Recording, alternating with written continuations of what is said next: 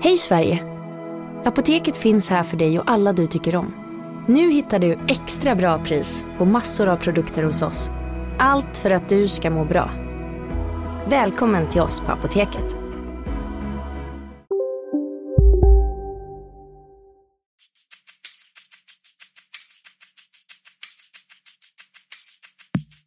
Skönt att komma ut och eh, bara lukta gräset. Så det, är, det är fotboll för mig. Är jag här och jag är väldigt glad att eh, kunna spela för det laget som jag har närmast om hjärtat. Om å skape tro, om å tro på det vi gjør, jobbe videre. Og vi skal bare ut der, og så skal vi levere. Og det skal vi jo. Basta.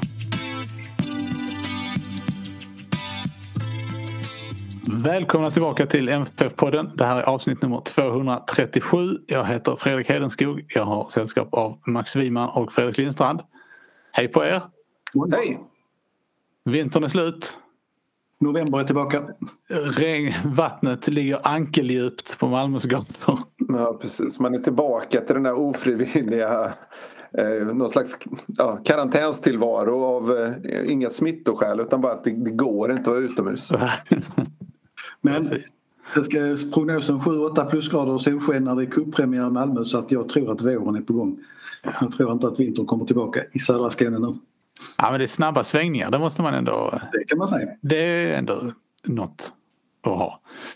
Um, idag så ska vi prata om uh, Malmö FFs uh, spelare. Hur vi tänker och tror att, att uh, Jon Dahl Tomassons uh, startelva ser ut. Uh, vi kommer komma in på de två matcherna som MFF har spelat sen vi hörde senast. Det vill säga 0-2 förlusten mot Mjällby och 4-2 seger mot Falkenberg. Men inte på så sätt att vi djupdyker i dem utan vi, det kommer att komma in mer här på individuell nivå. Är det något ni vill säga innan vi börjar denna övning? Vad tänker du på något speciellt där? Nej. Nej, bra då kör vi igång. Eh, då har vi eh, enats om lite, tittat på lite siffror och, oj, och bedömt att det finns ju ett, ett par, ett gäng spelare här som är 100% givna på eh, respektive position. Eh, just nu i alla fall. Eh, och om vi då börjar bakifrån så har vi eh, Marco Johansson där. Ehm, och det är ju, ja, ska man säga, eh, det har ju inte sett lysande ut här under, under försäsongen för hans del. Men å andra sidan så finns det inte så många alternativ. Ska man bara döma av vad man såg gårdagen så kanske Mattias Nilsson just nu ser lite tryggare ut faktiskt. Eh, eh, även om det naturligtvis inte då finns någon möjlighet att, att Jon Dahl Tomasson skulle göra någon förändring. Men jag tycker att det ser lite bekymmersamt ut. Och, alltså Marco Johansson kom in förra sommaren i ett läge då ändå MFF hade hittat ett flyt och hittat ett spel. Och, eh, det är väldigt viktigt att han fungerar från början nu. Det finns inte råd till misstag. Och eftersom då dessutom försvaret framför honom sviktar så tycker jag det känns lite svajigt. Det måste jag erkänna. Fredrik? Mm, ja men det har ju varit några ingripanden i avgörande lägen som har lämnat en del övrigt att önska. Vi har ju ett mål mot Kalmar till exempel. Eh, som ja, någon slags frispark är det va? Som går rätt in i mål. Som bara studsar ganska lugnt och sen eh, Nu är, jag, är ju Marco Johansson inte ensam om att, att ta ett steg in på frisparkar som målvakt men det, den frisparken mot Mjällby den tar han ju om han står kvar eh, och inte tjuvar in centralt. Som en icke-målvakt som bara liksom tittar på, man brukar ju säga att målvakterna väljer sida när de ställer muren och att de sen själva ställer sig lite åt det hållet. Och Marco ställde sig platt på hälarna i mitten av målet. Jag tyckte det såg väldigt konstigt ut från början. Så jag lanserar återigen min teori om att eh, inte ha någon mur. Ja, men jag tycker, jag tycker Ja, jag, jag är beredd på en, en, en kompromiss. En sån där linje 3. att en mur aldrig ska vara fler än tre personer. Det behövs inte. Två personer kan vara bra för det är ändå... Alltså, jag tror ändå psykiskt för skytten så, så, så tar man bort en ganska stor del av målet. Liksom. Mm. Och, och man gör också så att, så att eh, motståndaren inte kan ställa upp en, en mur och skymma. Liksom. Så att det finns ändå lite poäng. Och ha, ha något. Dessutom kan det också finnas någonting att förhålla sig till om man ställer upp en mur, två, tre personer vid ena stolpen. Så det, det blir någonting att förhålla sig till för målvakten. Så helt meningslöst tycker jag inte det med mur men en, den får vara, ska vara betydligt mindre. Sex personer i mur är för mycket. Ja, kom ihåg det. Om Ja. ni ser då, är, då har det gått för långt om ni ser en mur med sex personer. Ja. Men jag får ibland känslan av att Marco Johansson ehm, är en spelare som går ganska mycket på, på inspiration. Och att det kanske skulle kunna förklara till en viss del att det har sett ut som det har gjort under försäsongen. Vad tror, ni, vad tror ni om den eh, Han är ingen, eh, han är spekula- ingen- spekulationen? Han är ingen Teddy Lucic målvakt så att säga. Det är det du Nej. har sagt. Nej, alltså eh, jag tänker ändå att det krävs eh, lite. Eh, lite mer. Jag tänker att den här ehm, eh, snömatchen i Kalmar till exempel kanske inte gjorde att han var 100% taggad. Det kan ju vara så att han känner sig säker på sin plats just nu också. Det påverkar lite grann. Jag vet inte. Men jag tycker att han måste utveckla... Eh, alltså han, han, är inte, han är ung fortfarande men han måste utveckla sitt ledarskap. Han måste liksom eh, bli en frontfigur längst bak för backlinjen också. Eh, när den nu inte är, är så rutinerad som den har varit en gång i tiden kanske. Så hur ska man vara frontfigur längst bak Max? Det går inte ihop. Nu talar vi jag, förstår, jag förstår vad du menar. Ehm, ja, och det, men det är klart att det är inte... eh, det är någonting man får, man får jobba sig till över tid. Det är inte så lätt. Det är inte det lättaste när man är om man är i princip yngst i hela den delen av laget. Men jag tycker man har sett unga målvakter i Allsvenskan som har klivit fram på det sättet faktiskt. På senare. Men, eh, Ja, men sen vi kommer naturligtvis till fortsättningen precis framför honom. Det är ju där det också har klickat i högsta grad. Och det är ju det är ett väldigt tydligt samband för målvakten kan ju inte hantera det här på egen hand utan det handlar ju väldigt mycket om hur det ser ut framför honom. Eh, om man flyttar fram ett hack då så har vi ju eh, en av två mittbacksplatser som är vikt för eh, Anel Ahmedhodzic. Han har inte heller sett eh, ut att vara i sitt bästa jag här, det man har sett. Beror det på honom själv eller på omständigheterna eller vad, vad tror ni? Jag tror liksom också eh, det handlar över eh, på det stora hela, det kollektiva. Jag tror inte de signalerna som Jon Dahl Tomasson skickar ut inför matcherna är inte att nu ska ni gå in och vara 100% fokuserade i de här 90 minuterna utan det, det är ganska tydligt att matcherna handlar framförallt om att få igång kroppen och liksom med huvudet någonstans att börja tänka fotboll. Jag kan liksom uppleva att, att Anel om vi tar honom som exempel som mittback då som en av de här hundraprocentigt givna spelarna. Att han lite under de här matcherna lite övar på grejer. För att, för liksom, om man säger så här, han kan det vanliga mittbackeriet liksom på allsvensk nivå. Det, det kan han. Nu är det liksom som att han försöker testa grejer. Spela på ett speciellt sätt och hitta ja, lite olika tekniska nummer. och Lägga sig in i straffområdet och göra mål. Exakt. Nej men det, det jag, jag, tror liksom inte det.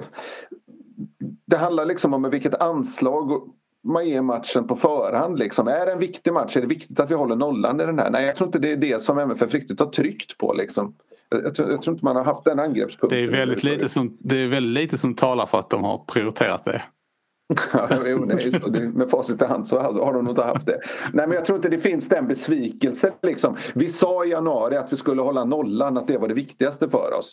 Och nu har det gått fyra matcher och vi släppt in åtta mål. Katastrof. Jag tror inte man har haft det angreppssättet. Liksom. Är det förklaring? Ja, förlåt Max. Jag tänker bara om de resonerar så, så tror jag det är ett väldigt farligt resonemang med tanke på att man går in i Svenska cupen mot ett mittenlag i Superettan på söndag. Eh, och där finns inte marginaler att... Eh, det, har, det har hänt en gång, det var när Öster... Eh, Öster har ju lurat MFF två gånger på, på segern i cupgrupper. Mm. Och det har ju varit när man inte har varit helt fokuserad och gått in med rätt inställning. Så jag tror att det kan vara, kan vara farligt men det kan säkert vara så. Sen, mm. sen tycker jag att har flera av de andra träningsmatcherna inte gett några svar så tycker jag ändå att den konstiga matchen mot Falkenberg igår gav några svar positivt och några svar negativt.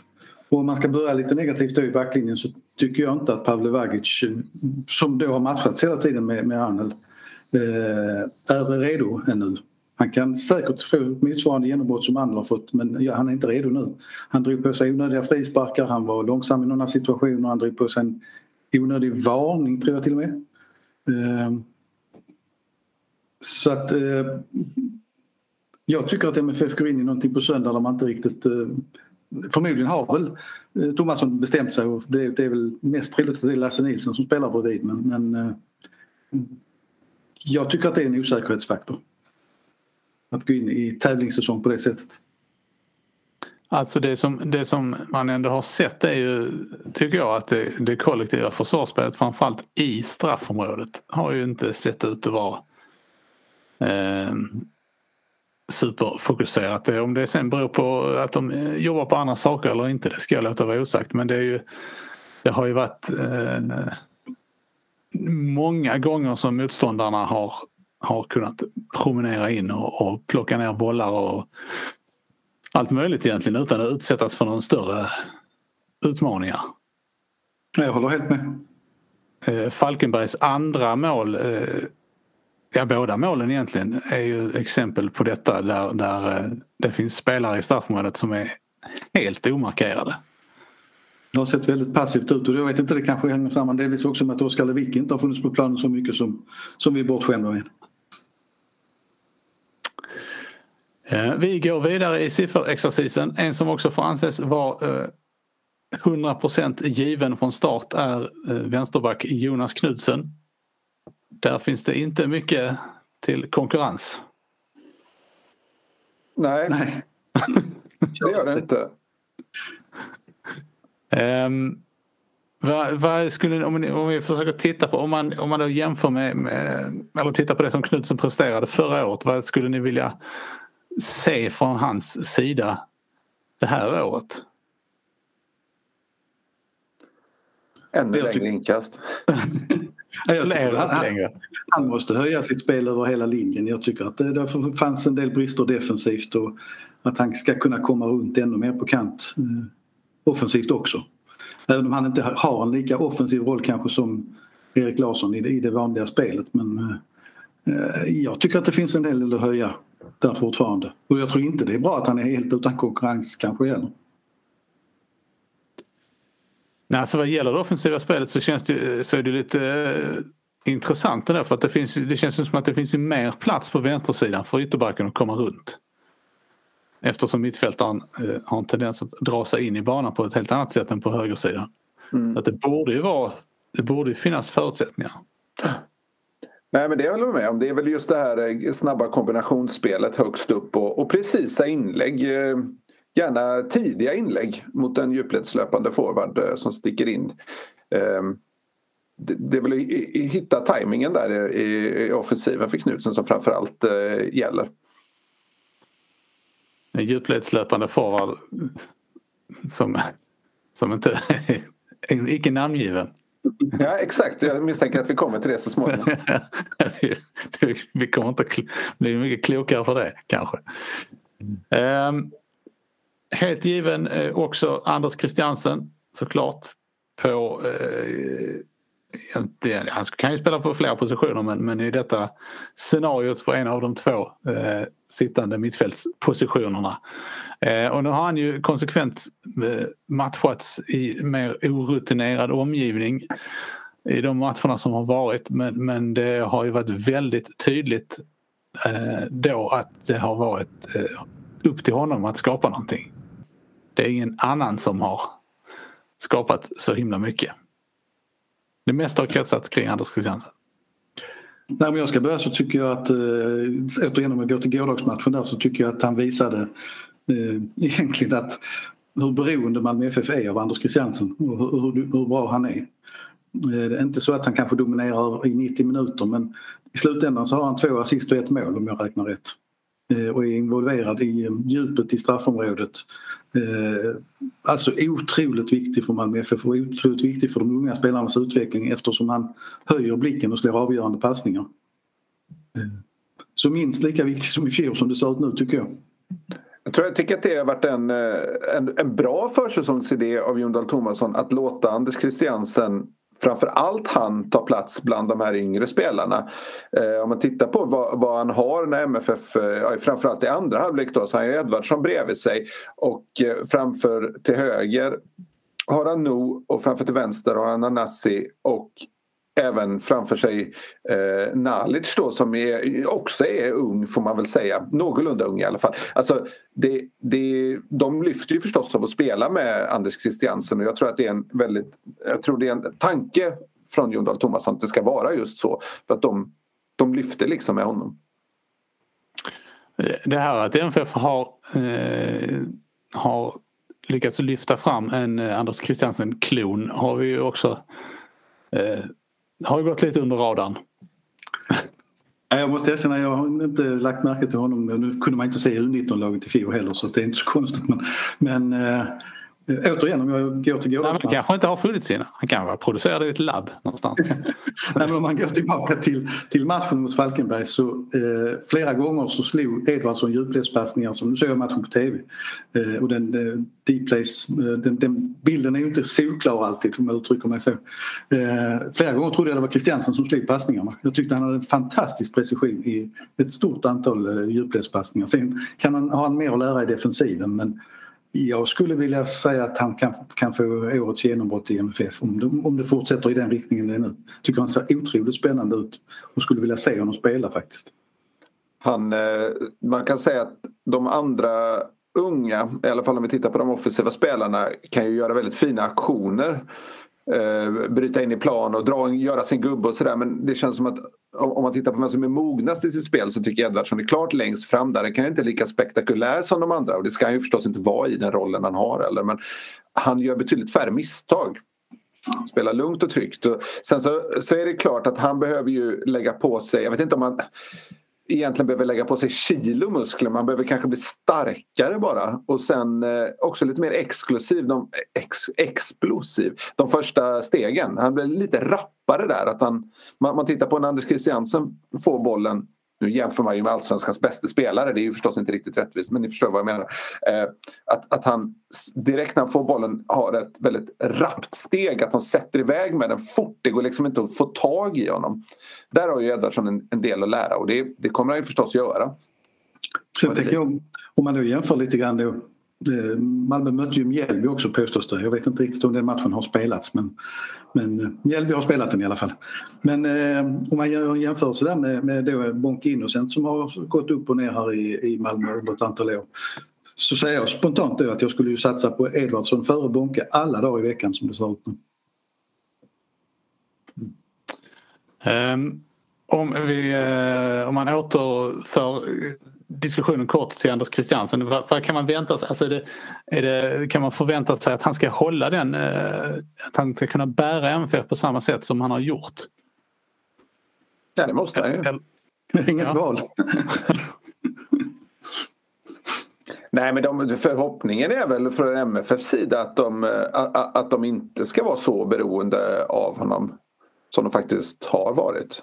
Utan eh, försöka att Rakip kan ta ytterligare kliv i den rollen han har gjort. Och, ja, och kanske också få, få in Edvardsson i spel, man vet ju aldrig.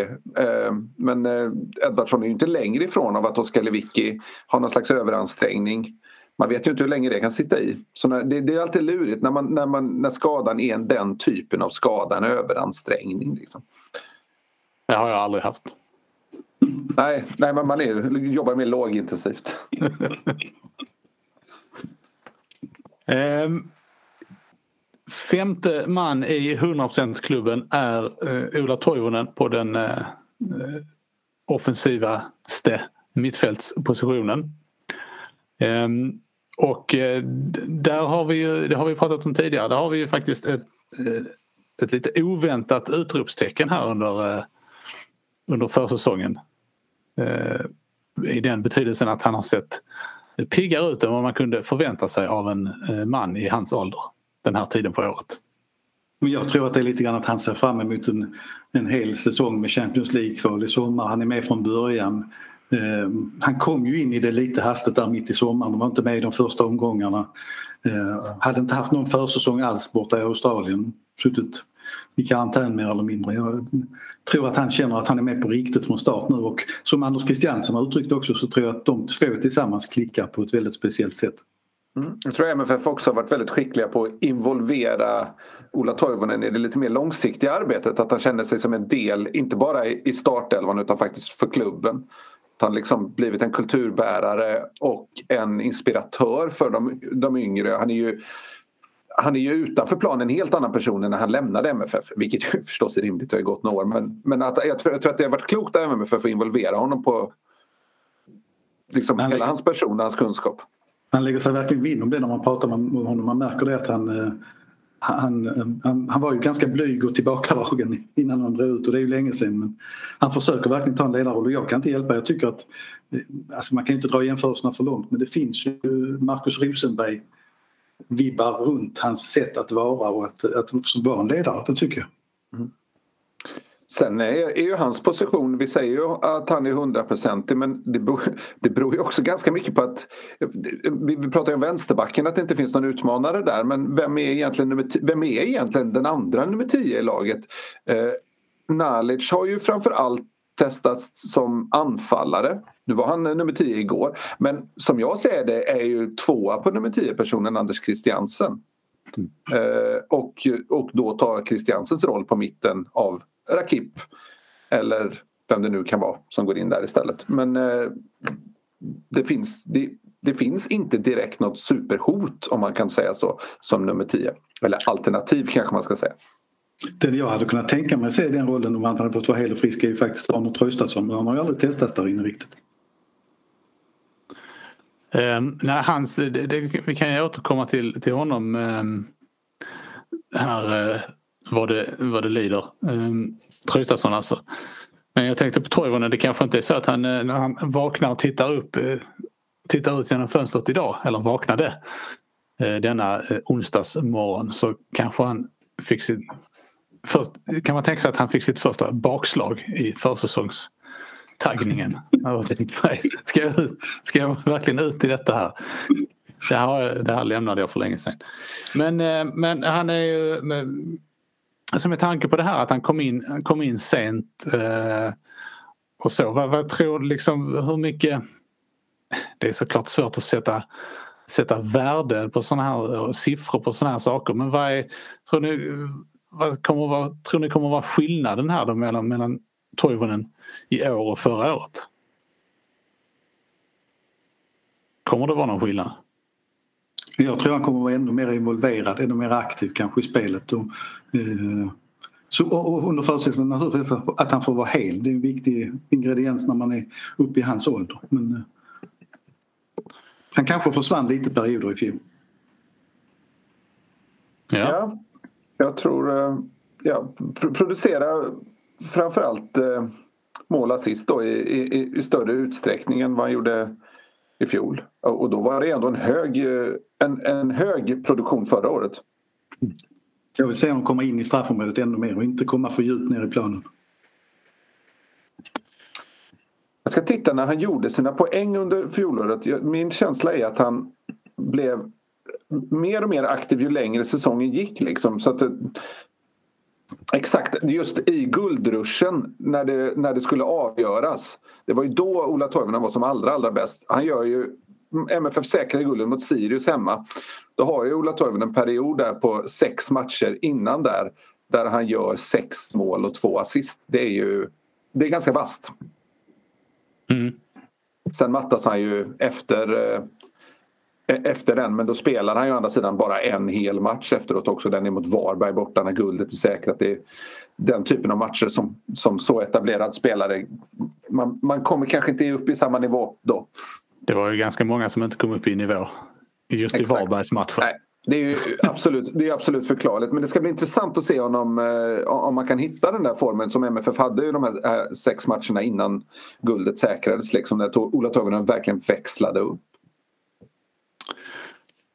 Då går vi vidare till de som är nästan eh, lika givna. Vi har skattat deras eh, chanser här till 90 procent. Eh, den första av dem är Erik Larsson eh, som vi från början hade på 100 procent men eh, nu har eh, sänkt marginellt.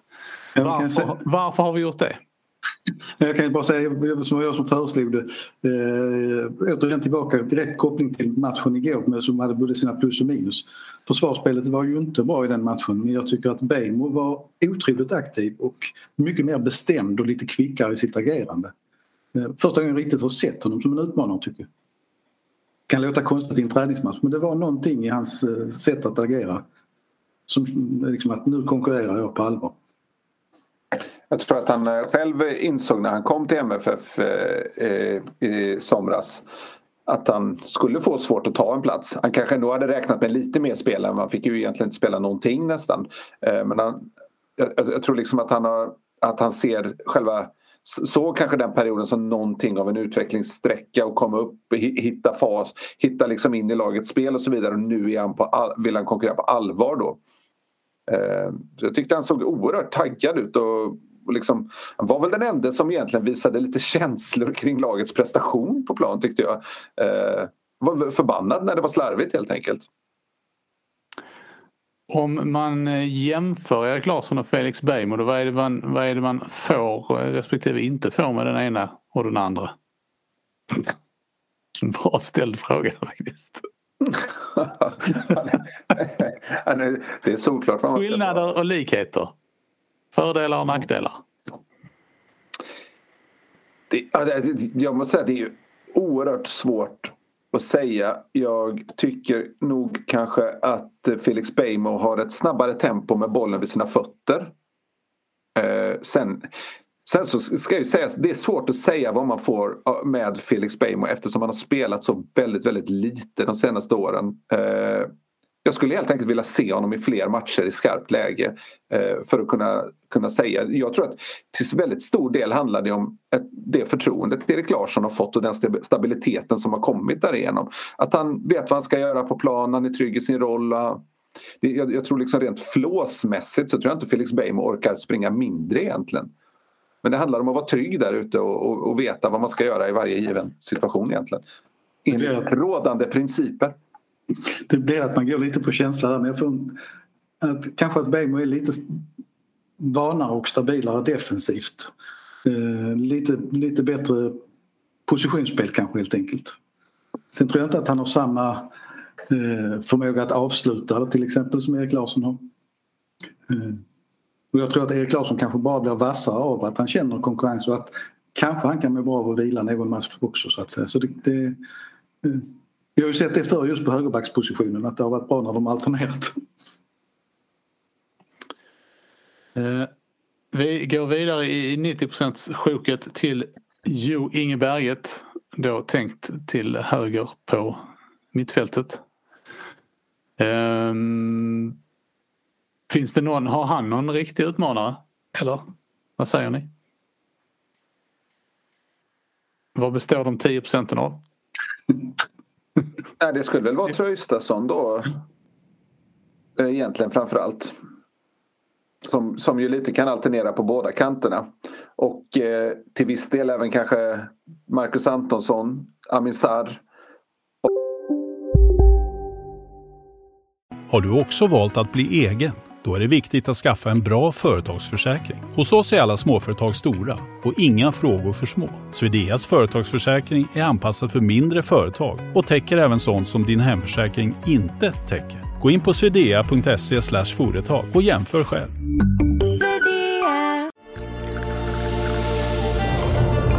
Välkommen till Maccafé på utvalda McDonalds restauranger med Baristakaffe till rimligt pris. Vad sägs om en latte eller cappuccino för bara 35 kronor? Alltid gjorda av våra utbildade baristor.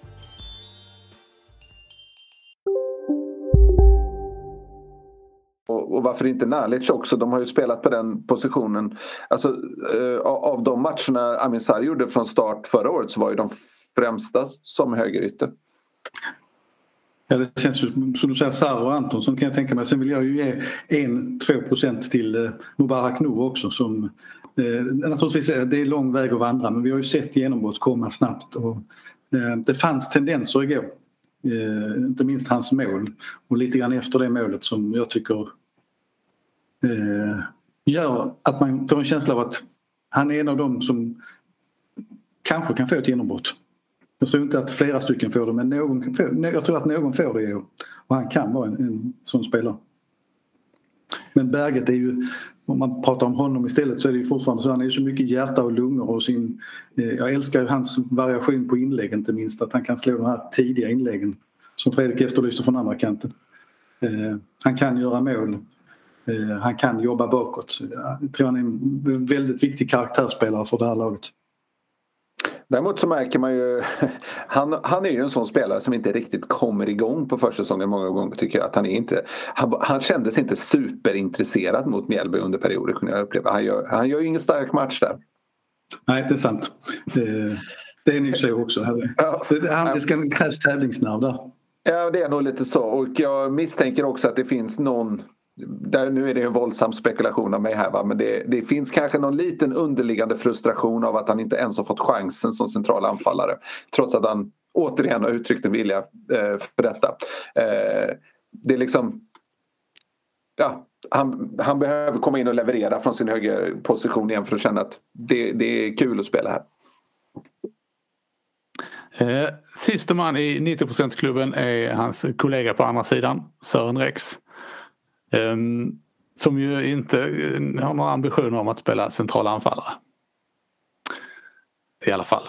Ehm, hur, eh, där har det väl också eh, inte sett 100% inspirerat ut så här långt. Ja, jag hade tyckt det varit mer överraskande om det hade sett 100% inspirerat ut. Jag tycker verkligen, jag tycker, jag tycker absolut inte att det är något konstigt att det, att det gör det. Det är liksom ett, ett friskhetstecken att man inte, alltså om ett lag är toppat i januari vilket ju det alltid är något lag på försäsongen som är så här vansinnigt bra liksom som kör över det mesta. De, det är svårt att bibehålla den, alltså allsvenskan drar igång i april.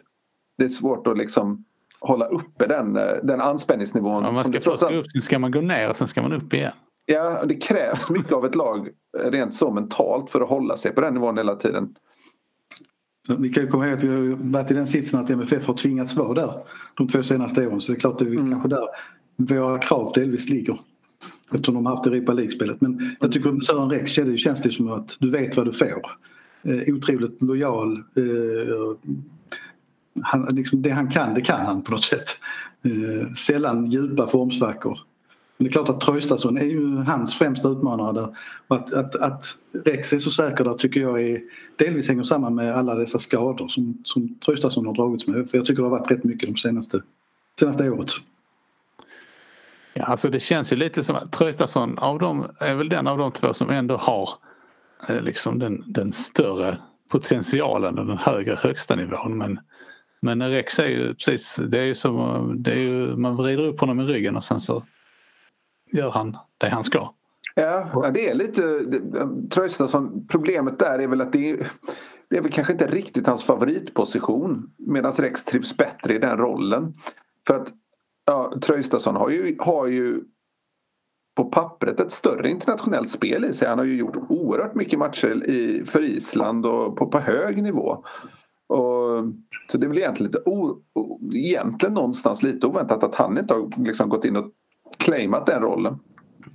Det känns lite grann också som att han var väldigt besviken efter förra säsongen och kanske inte riktigt har, vad ska man säga, nu har han varit skadad men inte ser liksom att han är riktigt utmanande. Jag tror att han hade varit gynnad av om, om MFF hade varit gynnad av om Island hade tagit den där sista EM-platsen om han hade varit motiverad liksom att jaga ett EM-slutspel. Eh, det återstår att se om han, liksom, när han väl blir frisk här, om han taggar till ordentligt. För det jag håller med Fredrik, att potentialen är ju egentligen mycket större hos honom. Han har ju, ehm, det har ju nämnts som att MLS är ett, ett hett alternativ för honom. Att det ja, det ska finnas intresserade klubbar där och han har ju, han har ju också varit öppen med att han ser över sina alternativ. Och skulle han lämna, eh, amerikanska fönstret är väl öppet till eh, en bit in i slutet av mars eller om det är tidig april som Nej, det är öppet till? Det, det, jag tror till och med det är öppet in i maj. I maj till och med, ja men då så. Det, det, det, har, det har inte öppnat ännu. Mm. Ja, men skulle det bli så att han lämnar så ger ju också en öppning för MFF att plocka hem Durmas till sommaren till exempel rent, rent truppmässigt. Eh, den diskussionen får vi äh, återkomma till. Ja, det känns ja, vi kommer Det tar vi inte nu. Men den är jag, intressant. Jag gör en snabb eh, kontroll här på USAs transferfönster så vi inte får med osanning. Och konstaterar då att det är öppet den 12 februari. Det har precis öppnat då till den 5 maj. Oj då, ja, det var längre än jag trodde. Då har vi med detta avverkat eh, egentligen och ritat in åtta av elva startplatser. Det innebär alltså för den matematiskt kunnige eh, att det är tre platser kvar. Eh, och de som det då finns, eh, där platserna som det är att slåss om det är då en mittbacksplats, en mittfältsplats och samt den centrala anfallspositionen. Om vi börjar bakifrån igen då så har vi då mittbackspositionen bredvid Anel Ahmedhodzic. Där är ju eh, spekulanterna Lasse Nilsen, Frans Brorsson, Pavle Vagic och eh, möjligen Oskar Lewicki. Eh, vad, vad tror ni om den eh, platsen? Jag tror att eh, Lasse Nilsson ligger främst till. Jag tyckte att han oftast var första valet för Jon Dahl Tomasson när, under perioder när matchandet inte var lika tätt. Och det handlade väl om att välja en då så var det oftast Lasse Nilsson som var go-to. Och jag tycker att det är, det är svårt att argumentera mot det egentligen. Han är ändå en av allsvenskans bästa mittbackar om man tittar rent statistiskt. Liksom. Det, ja, jag tycker, det ibland kan jag känna kritik mot honom just på grund av att hans spelstil kan vara den, den, kan vara lite, lite för hård mot honom ibland kan jag känna. Sen så gör han ju en, en del misstag här och var men det, det är han ju å andra sidan inte helt ensam om. Liksom. Eh. Men vad, hur kan du utveckla den eh, tanken Fredrik? Hur menar du att... Um... Med, spe, med, spelstilen, vad menar du då? Nej, men alltså, att han kan se fladdrig ut i sitt rörelsemönster tycker jag. Vissa mittbackar ser ju oerhört lugna ut. Anel Ahmedhodzic till exempel. Väldigt, väldigt lugn. Och eh, Rasmus Bengtsson väldigt, väldigt lugn. Medan Lasse Nilsen är mer yvig med ett älgande kliv och sådär. Ibland, ibland blir man ju liksom lite offer för det. David Luiz i Arsenal. Nu ska jag inte jämföra Lasse Nilsen utseendemässigt med honom. Men, men liksom, de är inte alls lika. Nej, jag vet, men jag menar det är alltså, i kategorin mittbackar som, som lite grann så när det går bra så ser man jäkligt cool ut och liksom flärdfull men när det går dåligt så kan man liksom det, det, det, blir, det adderas någonting till när man gör ett misstag för att man är lite fladdrig i sin stil om man ska säga så. Jag Kanske blir utskälld av Lasse Nilsson för nästa träning nu för kalla honom för. för det, nästa träning vi får gå på den är den är ju långt det är nästa år. Så att... ja, det, har varit två, det ska säga, det har varit två öppna träningar för media nu. Mm. Ja, de kommer, nu när eh, regeringen har öppnat för ytterligare nedstängningar för att förhindra en eventuell tredje våg så eh, tror jag att eh, det kommer finnas en och annan fotbollsklubb som inte är sen att haka på det. Ja, precis. Ja, precis. Det är väldigt viktigt att inte få in media på, på matcherna men det är väldigt viktigt att få in publiken på matcherna. Nej, det var elak. Men eh, nej, det, det är kanske tur för mig då i sådana fall efter det. Ja. Men jag, tror, jag tror att Lasse, jag tycker att han är, jag ska inte säga att Lasse Nilsson är underskattad men jag tycker att han är en, en, en, en högklassig allsvensk eh, mittback. Det tycker jag inte man kan ta ifrån honom. Vad, har du, eh, är du av annan åsikt Max eller håller du med? Nej, delvis eh, håller jag med och delvis är jag av annan åsikt kanske. Eh, om jag säger så här, jag gillar Lasse Nilsson. Jag tycker han är en eh, ger alltid allt för laget och positiv person när man träffar honom och allt sånt här. Liksom. Så att, eh, jag önskar honom verkligen att det, att det ska lyckas men han har lite tycker jag då, det är lite Marco Johansson syndromet och jag vet att han faktiskt har haft det hela sin karriär att han, han, han gör ibland eh, lite obegripliga misstag. Eh, och jag tycker att fortfarande om man tittar på förra året så, så MFF släppte in mycket mål. Eh, och ska jag se det riktigt krasst då Eh, Rasmus Bengtsson kan vi ju räkna bort så det är liksom inte lönt att resonera kring honom längre. Men, men jag tycker inte, alltså MFF ska gå in i Champions League-kval i sommar och ska jag titta ända fram mot det så, så när jag kan förmoda då att när de svåra matcherna kommer i det kvalet så har han redan försvunnit. Då ska man spela in en ny mittback då, kanske bredvid Lasse Nilsson. Så jag tycker inte att det här räcker till riktigt. Och, eh, Därför var jag i något sammanhang jag twittrade här att jag, nu är han ju skadad, men jag hade faktiskt nästan hellre sett Oskar Lewicki bredvid eh, Arnel just nu för att få någon sorts stabilitet. jag, jag, kan inte riktigt se att, att MFF kommer att lyfta i Europa med, med igen med vare sig Lasse Nilsson eller Frans Brorsson. Jag är lite hård där. Jag hoppas jag har fel. Eh, men det här eh, med, med Lewickis eh, Lewickis möjligheter i backlinjen är ju någonting som vi har återkommit eh, ganska många gånger till. Eh, men det är ju samtidigt uppenbart att Jon Dahl Tomasson inte riktigt delar vår åsikt i frågan. Nej, så är det ju.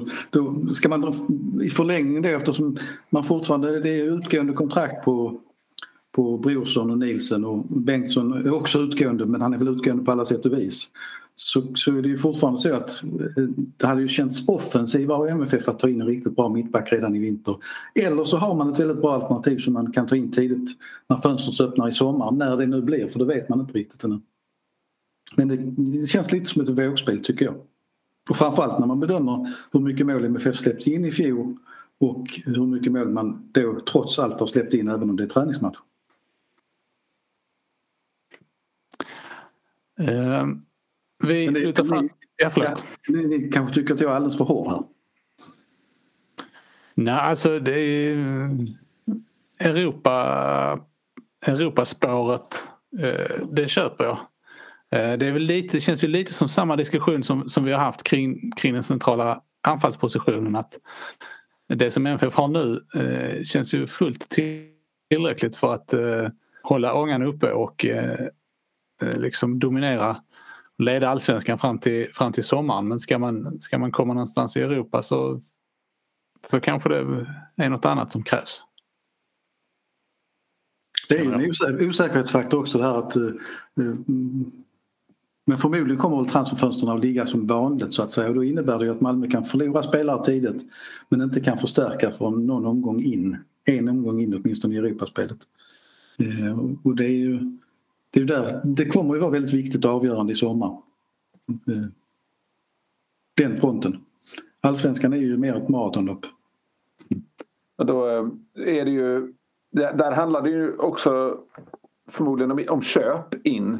För det finns ju det är svårt att se någon av de yngre ta sådana enorma jättekliv att de kanske är redo för ett och, slå, och, och liksom leda ett lag in i Champions League. Och eh, det finns ingen hemvändare på den positionen än. Både Filip Ölander och Pontus Jansson har ju flera år kvar ute i Europa. Pontus Jansson ångar ju på mot Premier League med sitt Brentford. Nu är han förvisso skadad själv men de toppar ju Championship. Det känns inte som att han vänder hem till MFF när de har gått upp i Premier League. När han är lagkapten. Nej, å andra sidan ska, är det, har man lärt sig något av historien så är det att eh, Pontus Janssons lag med eller utan honom kommer att eh, att eh, falla ihop i, i slutet och eh, förlora i kval. Ja, men där, där är ju en, Inte detta året. Det är en varningssignal redan nu. Därför, och de, de spelar en viktig match mot Queens Park Rangers i helgen. Eh, för Brentford förlorade faktiskt mot ett bottenlag i helgen. Så att de har ställt till det. det de har ju fortfarande jättebra position men det, det, det är en sån där liten varningsklocka på dem. Eh, vi återvänder till Malmö och flyttar fram eh, ett hack till, till mittfältet där det då handlar om positionen bredvid Anders Christiansen. Där spekulanterna eh, i första hand är Erdal Rakip, Oskar Lewicki och Bonke Innocent. Kanske David Edvardsson nu också. Kanske inte till, till matchen mot Västerås men lite längre fram. Men om vi tittar här, här och nu, vad tror ni ehm, känslan är ju om man ska döma av hur det såg ut förra säsongen att det är, är Rakip som är första valet där. I alla fall med den här typen av motstånd. Vad tror ni? Mm, det tror jag också. är det, kan man tänka sig att man ska man se den positionen som någon sorts 50-50 delning mellan Rakip och Lewicki? Beroende Alltså- på uppgift och motstånd. Du kan ju räkna in att Anders Christiansen är avstängd sen det var fjärde match ungefär. Så att, Ja just det, Nej, det tänkte jag inte på. Bra. nej, han åkte ju på en del kort förra året. Nej, men jag, jag, jag, eftersom Lewicki dessutom är skadad nu så känns det väl som Rakip är det givna valet. Jag, eh, jag tycker ju att Rakip fortfarande är lite ojämn. eh, Trots sina 25 år. Men, men han har ju väldigt stora kvaliteter när det går bra. Eh, Så att det är väl rätt säkert att han spelar där på söndag i alla fall va? Bon- Nej. Bonke, Bonkes insatser tycker jag har inte, nu, jag vet jag får skäll så fort jag säger något om honom men jag tycker de insatserna i träningsmatcherna igen har inte visat liksom att han och återigen, han kanske inte alls passar i träningsmatcher i februari men det var väl lite så även i höstas att nej, det lyfter inte. Eh, Rakip känns ju som en sån spelare, eh, kanske som, som det vi var inne på med Erik Larsson tidigare, som, som mår väldigt bra av att veta att han har tränarens förtroende. De perioderna han har, har presterat överlägset bäst har ju varit när han har fått spela kontinuerligt. Mm. Det finns ju andra spelartyper som, som, är, som alltid är som bäst när de får hoppa in men, eh, men han är ju inte han tillhör inte den kategorin. Nej, han behöver växa med, med startspel. Det, det är riktigt. Sen, så, han är ju ingen konkurrent i nuläget naturligtvis ändå men man kan ju inte komma ifrån att det, när man räknar på vad Sebastian Nanasi gjorde igår så blev det ju lite spännande också. Han har en strålande nick som målvakten, den gamle Viktor Norling fick göra en jättebra räddning på. Han gör ett mål och har en väldigt bra assist, osjälvisk assist till Anders Christiansen. Det är på den halvleken han spelar. Men eh, som sagt, det, är kul med de här unga som visar framfötterna men det är inte så att alla, alla om ens någon verkligen tar en plats. Avslutningsvis har vi då eh, anfallspositionen där eh, det egentligen finns tre huvudspår. Eh, Amin Sarr, Marcus Antonsson och Adi Nalic. Om ni skulle just nu, om ni skulle försöka sätta, sätta procent på de tre i alla fall.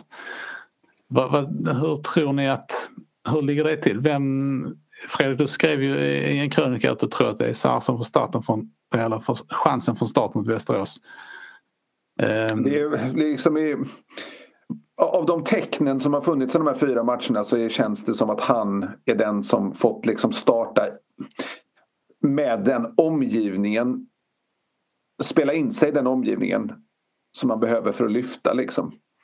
Och det får mig att tro att han ligger längst fram. Ska man, om, en, om, jag tror att han är 40 procent, Adenalic 30 procent och Antonsson 30 procent på den rollen. Liksom. Om jag får taxa deras, eh, deras chanser. Det känns som att det ligger lite i linje med MFFs tänk att, att välja den yngste också när det står och väger. Att- Att liksom det, det är lite den klubben man vill vara nu. Eh, Rössler hade ju gått på Antonsson till exempel. Ja, men hur länge ska man... Är det, det känns, är det inte lite oroväckande ändå att eh, Sarr, om vi nu utgår från att han är första valet, att han inte gör mål? Det är ju sällan ett gott tecken för en anfallare. Han kom ju till ett par lägen mot Mjällby men jag, jag menar han gjorde ett mål i fjol så att det... det Ja, men jag, jag där- tycker... Jag tycker förlåt. Ja, men det är väl just därför också han har fått spela med i den omgivningen också för, att- för att få liksom bli varm i kläderna där. Han gjorde, han gjorde 17 allsvenska matcher i fjol men det- bara sex av dem var från start och endast två av dem då som central anfallare. Så att han behöver ju matcherna för att, för att hitta rätt. Så jag, jag tror att han kommer i gruppspelet här vara var så att säga första val om man nu kan uttrycka det så. Om man, det, ja, förlåt Max. Jag tänkte om, om, om jag hade varit tränare, eh, vilket jag aldrig har varit i fotboll på något sätt, så, så hade jag gått på Rösslerlinjen och valt Antonsson. Eh, jag tycker att eh, han var inte mycket involverad i spelet igår men han gjorde två fina mål uppe i Kalmar. Eh, han hade ett par eh, aktioner igår där jag tycker, framförallt löpningar, där jag tycker att han, liksom, han, han har det i sig. Jag vet inte om ni såg det, den situationen där han skjuter eh, och eh, där det sen blir mål på returen. Mm, det, det, ja. mm. det hade blivit straff annars. Domarna avvaktar en straffsituation för han blir hårt dragen i tröjan. Så det var rätt imponerande att han fick iväg det avslutet överhuvudtaget. Ja. Jag tänkte på det på matchens sista aktion igår. Det absolut sista som hände var ju att Antonsson fick ett friläge och där gör ju Noring en helt otrolig räddning. Ja. Eh, jag kände så här, den hade han behövt sätta där. Ja. Det, hade varit, eh, det hade betytt mycket för honom tror jag. Samtidigt har han gjort sina mål. Och så. Jag, av anfallarna så tycker jag Antonsson har varit, eh, varit bäst under försäsongen. Och jag, mitt val är Antonsson också just för att att man vet så väl vad man får med honom. Han slutar aldrig jobba för laget. Han faller inte ur matchen trots om det skulle vara så att han inte får det att stämma riktigt i spelet. Så slutar han inte jobba eller börjar liksom hålla på och försöka spela ett annat typ av spel för att hitta någon slags form och, och går in i sig själv eller något sånt där. Utan han jobbar hela tiden konstant för kollektivet och det var ju bland annat därför Rössler höll kvar honom i elvan under 2019 trots att, han, att, han, att målproduktionen var allt sämre. Eh, och jag tror, att, jag tror som jag sagt att det, han har ett målskytte i sig. Det ska bara komma ut eh, chanserna precis som igår. Han kommer till chanserna trots att det inte alltid stämmer. Så kan man ta Nalic också då som jag hade jag kanske lite högre förhoppningar på den här försäsongen om vi, ska, om vi trots allt ska få dra lite slutsatser efter den. Jag hade velat se en lite högre lägstanivå från honom. Jag tycker att han varvar helt delikata saker som inspelet i Anders Christiansens eh, mål där när Christiansen väggar med Nanasi fram till vilket av målen det nu var, 3-0 målet tror jag. Ja, ja. ja och eh, sen har han också Uh, han har någon smekning i, i kryssribban som, som är väldigt, väldigt fin. Men sen kan han också dra bort en två, tre raka pass på mittplan i en omställningsfas. Och överlag slarva lite i passningsspelet. Det, det, just, det där måste bort liksom från honom och det var ju också det som, som Thomasson tryckte på förra sommaren eh, när, Christian, när eh, Nalic gick från att starta mot Wolfsburg till att faktiskt vara utanför laget i juni. Jag håller med Malta och jag skulle lägga till för jag reagerade också på hans insats igår. Eh, att eh, jag tror han spelat, I min värld hade han spelat bort sig från en startelva därför att han inte bara slarvar, han uppträder för egoistiskt eh, fortfarande. Det fanns ett par tre tillfällen när Antonsson gjorde löpningar och var fri och man såg Antonsson slå ut med armarna när bollen inte kom. Och jag tror att ska Nalic nå nästa nivå så måste han bli en mer av en lagspelare i de lägena. Eh, och där är mer att jobba på. Det, det, det är ju sådana här matcher man måste visa det på något sätt också tycker jag. Eh, att man, att man tar lärdom. Han, han hade några fina passningar, absolut. Men, men det finns fortfarande någonting. Plus att jag är, och där är jag mer osäker, hans defensiv känns lite sådär lite halvhjärtad ibland. Eh, så jag, jag, i och med att eh, liksom, rollen bakom är ju vikt för Toivonen nu så så tyckte jag det kändes som att Nalic spelar bort sig för jag hade, skulle nog ha honom som tredje alternativ där framme. Och om jag får ta en minut till så slängde jag ut en fråga på Twitter förra veckan och det var i och för sig innan de här två matcherna men Eh, vem, det var ändå 368 som svarade vem de tyckte skulle, apropå procentsatser. Och då tyckte 53,5 procent att Antonsson skulle spela. Eh, 21 procent Berget, 13 procent Nalic, 11 procent Sarr. Eh, tycker kanske det speglar lite grann i alla fall framförallt att att Antonsson, det var ju efter han hade gjort målen i Kalmar men det finns någonting man tror på det. Jag ställde också en följdfråga och det var om, om att som folk tyckte att MFF borde värva in en ny anfallare redan nu. Eh, och där var det faktiskt hela 731 röster och två tredjedelar tyckte att det var tid att värva. Nu är det supporterröster men... men Då får de göra det. Det, det speglar ja, lite tankarna. Det är bara att öppna plånboken. ja, det speglar lite hur folk ser på situationen tycker jag. Det är ju inget överbetyg till de två som så att säga har varit första valen i den rollen. Nej. Stark kanske är bättre på kanten, vem vet. Han är ju otroligt lovande, det är ju inget snack om saker. Han hade väl två bra chanser mot Mjällby också förresten, ska man väl säga. Ja, alltså det, men det, det, är just det att, att eh, det, det, måste ju, det måste ju börja omsättas i mål någon gång.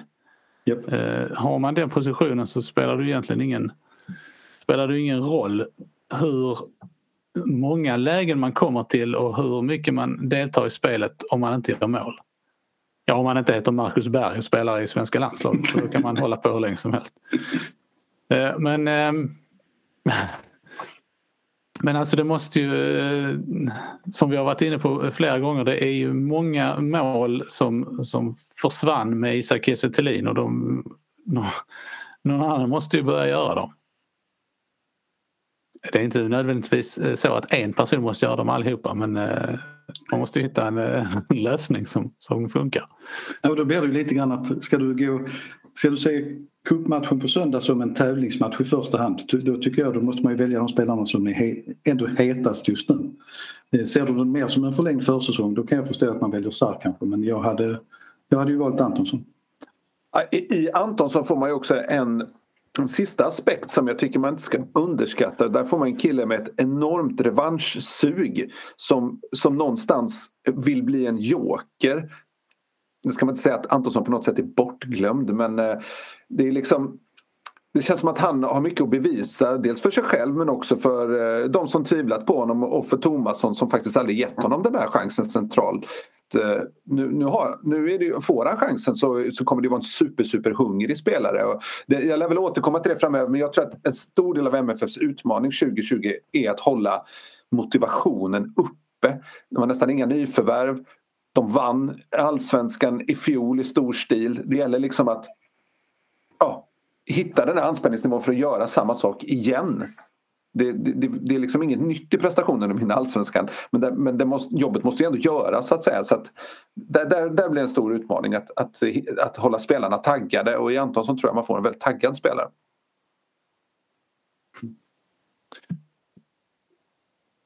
Um, nu är det ju så här att eh, MFF som vi har sagt ett par gånger spelar mot Västerås i kuppen till helgen.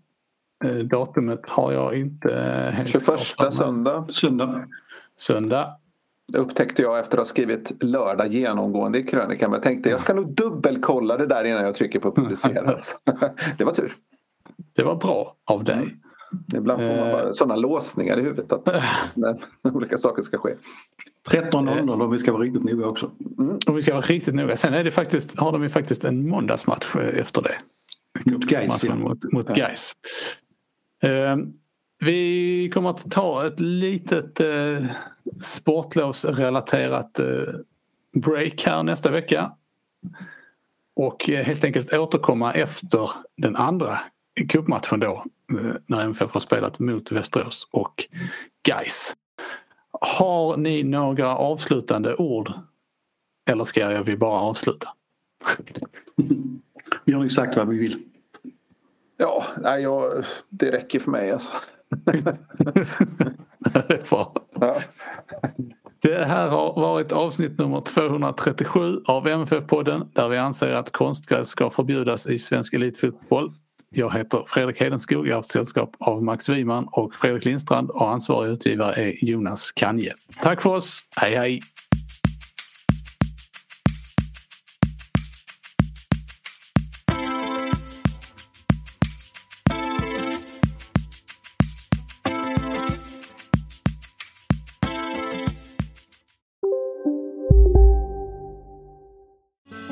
Susanne Axel här. När du gör som jag och listar dig på en av Krys vårdcentraler får du en fast läkarkontakt som kan din sjukdomshistoria. Du får träffa erfarna specialister, tillgång till lättakuten och så kan du chatta med vårdpersonalen. Så gör ditt viktigaste val idag, lista dig hos Kry. Ska några små tassar flytta in hos dig? Hos Trygg Hansa får din valp eller kattunge 25% rabatt på försäkringen första året. Läs mer och teckna djurförsäkringen på trygghansa.se. Trygg Hansa, trygghet för livet.